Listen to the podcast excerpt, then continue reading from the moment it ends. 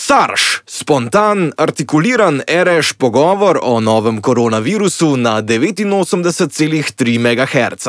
Živijo, Uraš. Živijo. Kako si kaj, kako je kaj v Bruslu?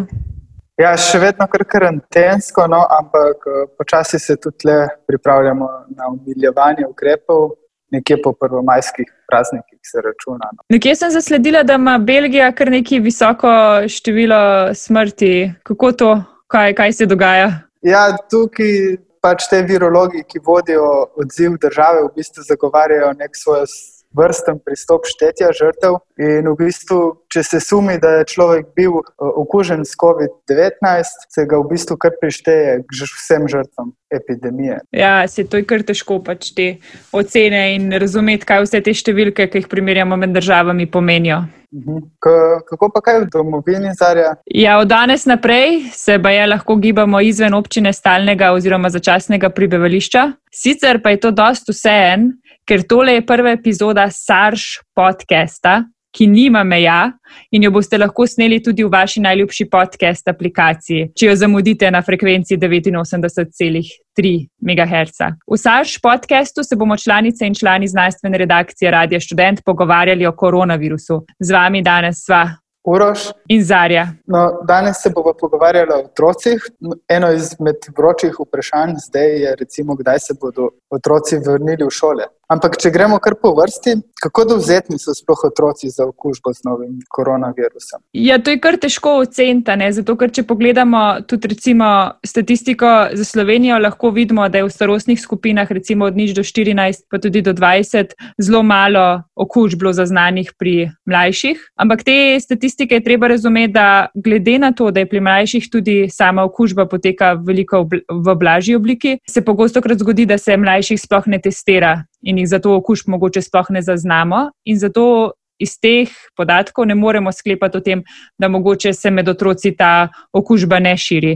Lahko pa poznamo pa iz neke druge raziskave že podatke, da recimo, če pogledamo, kakšen je delež tistih, ki so bili v stiku z okuženo osebo in je v bistvu prišlo do prenosa med okuženo osebo in tem dovzetnim za okužbo, je ta delež, ko pride do tega prenosa, v bistvu v različnih starostnih skupinah praktično enak. Sicer pa so včeraj tudi objavili neko raziskavo, ki je pokazala, da so morda otroci manj dovzetni za okužbo kot odrasli. Po tej novi raziskavi je ocena tveganja za okužbo ob izpostavljenosti okuženemu pri mlajših veliko manjše kot pri odraslih in predvsem pri starejših, ranljivejši populaciji. Kar sem rekla, ne glede na to, da imajo otroci ponavadi blažjo obliko, se jih manj testira in jih tudi manjkrat zaznamo na vseh teh podatkih, ki krožijo okoli. Uh, kako pa to, da imajo otroci blažjo obliko? Ja, del odgovora se zagotovo skriva v razlikah med imunskim sistemom nekega mladega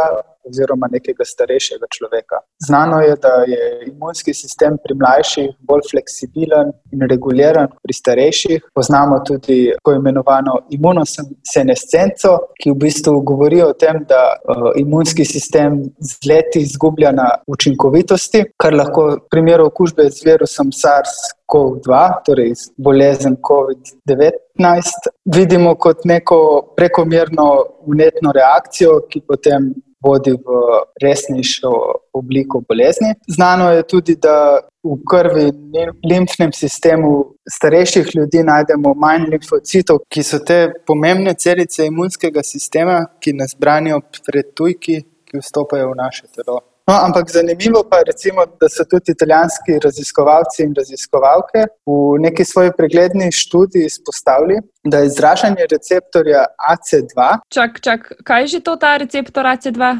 Ja, to je tisti, tista molekula na površini celice, preko katerega se virus veže in potem vstopi v celico. In potem se tam razmnožuje. No, italijanski raziskovalci in raziskovalke so pa v bistvu v tej svoji nedavno objavljeni študiji še posebej izpostavili, da bi prav to uh, zmanjšanje izražanja receptorja AC2 pri starejših ljudeh, poleg že prej omenjenih razlik v imunskem sistemu, delno odgovorilo tudi na vprašanje, zakaj je potek bolezni pri starejših večkrat težji kot pri mlajših. Okay, če sem jaz zdaj to prav razumela, v bistvu še ne vemo čisto odgovora, zakaj pride do tega je pa zelo pomemben sam razvoj imunskega sistema, medtem ko odraščamo in bolj tudi pri starejših, ki se še razvija in spremenja. Uh mhm. -huh. okay, kaj pa glede samega potencijala širjenja? Recimo, otroci torej imajo veliko tega receptorja C2, torej virus lahko sprejmejo nekako v svoje celice. Kaj pa se dogaja s tem, ga tudi potem proizvedejo? Ja, uh, zanimivo, pač ravno včeraj je ta slavni nemški virolog Kristjan Dorsten objavil podatke z testiranji iz njegovega laboratorija. In v tej sicer še ne objavljeni študiji so, so pokazali, da v bistvu virusna obremenitev, torej količina virusa, ki ga zaznamo v risih, je v bistvu enaka. Po vseh starostnih skupinah. To pa v bistvu pomeni, da se virus uspešno, torej v enaki meri, namnoži tako pri odraslih, kot pri otrocih. Ja, to v bistvu pomeni, da, da, da ni razloga, zakaj otroci ne bi bili neki uspešni prenašalci. So, ja, je pa to prenašanje virusa ful odvisno tudi od nekih naših socialnih omrežij, ki jih imamo in dnevnih kontaktov oziroma tesnih, bližnjih stikov, ki jih imamo z drugimi ljudmi.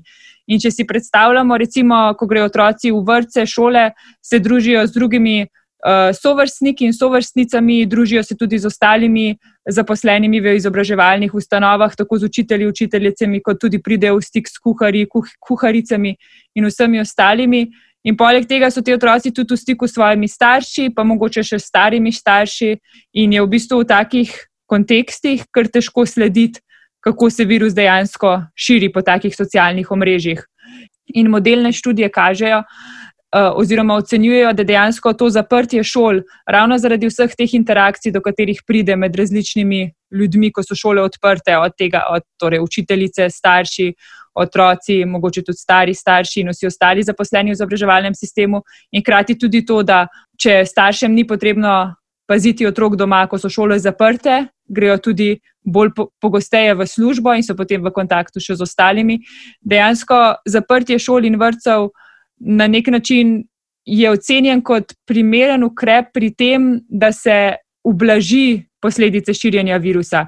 Torej, k samemu širjenju virusa ne prinese tisti odločilen korak, da ga dejansko zajezi, je pa definitivno mehanizem blažitve širjenja virusa in s tem pripomore k sploščitvi krivulje. Seveda pa moramo zdaj tudi razmišljati o tem, kako šole varno odpreti in že spet omogočiti izobraževanje. S tem, ko otroci ne grejo v šoli in izgubljajo uh, samo odrasli, ampak tudi otroci pri svojem uh, socialnem razvoju in pa tudi pri učenju in v šoli najlažje dobijo uh, enakovredne razmere za učenje in za spoznavanje tega sveta. Ej, pa si videla tisto na Novi Zelandiji, pač ta grost okužb, ki se je zgodil v tisti srednji šoli. Ja, nekaj je bilo kar zanimivo. V bistvu so res nek, neke okužbe povezane s srednjo šolo, ampak dejansko, potem, ko sem malo pogledala te stvari, je šlo za to, da je tam prišlo točno do te interakcije, ki sem jo prej omenila. Tako učitelji, učiteljice, kot zaposleni v šoli, in pa starši otrok, in pa nekaj otrok je kazalo znake okužbe, in so v bistvu bili tudi potrjeni na testu. Uh, um, da so imeli to okužbo. Tako da je zelo težko ločiti, ali so dejansko bili otroci tisti prenašalci v tem primeru, ali je to prišlo, mislim, da je celo vir okužbe prišel izmed starejše generacije, torej ne najmlajših in ne otrok v šoli. Uh, bi pa še eno zanimivo zadevo, ki jo na Novi Zelandiji velikokrat opozarjajo v medijih, kar sem brala. Oni veliko krat govorijo o mehurčkih, o tako imenovanih socialnih mehurčkih, ki naj bi se jih držali. V bistvu vsak človek naj bi bil znotraj nekega mehurčka, recimo dveh, treh ljudi oziroma svojega gospodinstva. In želja je, da te mehurčki nikakor ne pridejo v stik en z drugim. In je zanimivo, da je en raziskovalec iz Londonske šole za higieno in tropske bolezni napisal nek krajši zapis o tem, kako sedaj pazi svojo, mislim, da štiriletno hčerko. In da se sprašuje, kako bi tudi njej omogočili, da bi vseeno imela socialne stike z drugimi sovrstnicami in sovrstniki, ker ta punčka ni ni vešča, oziroma ji ni všeč se družiti z drugimi preko socialnih omrežij, samo ali pa recimo Zoom mm. pogovorov in podobno. In je, so v bistvu predlagali, kar te raziskovalci inštituta na nek način, da bi bilo zanimivo.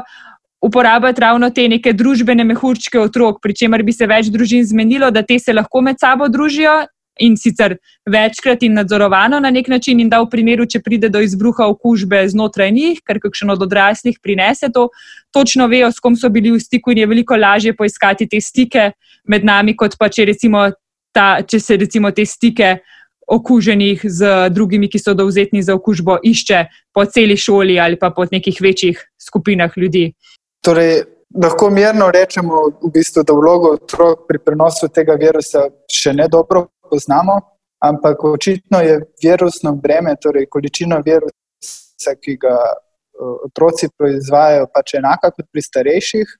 Natančnejših podatkov o samih širjenjih virusa po teh šolah pa v bistvu nimamo. Oh, oh, korona flop. Ali je morda mogoče oceniti, da so nekatere prehladne bolezni, ki so bile v vrtcih in šolah, povezane tudi s COVID-om? Mi tudi tukaj pri nas nismo imuni na širjenje nekih lažnih informacij oziroma nekih nenavadnih predvidevanj. Te predvidevanja o tem, da je koronavirus krožil med nami že v januarju, februarju, krožajo naokoli tudi po drugih državah.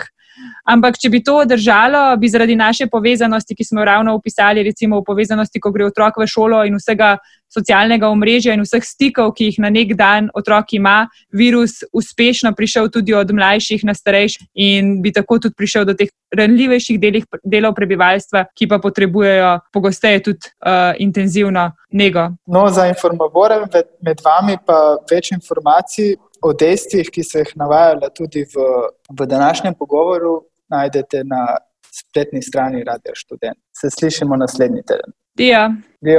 Sarš, spontan, artikuliran reš pogovor o novem koronavirusu na 89,3 MHz in v vaši najljubši podcast aplikaciji. Naše vsebine lahko podprete na siri.radiostudent.si.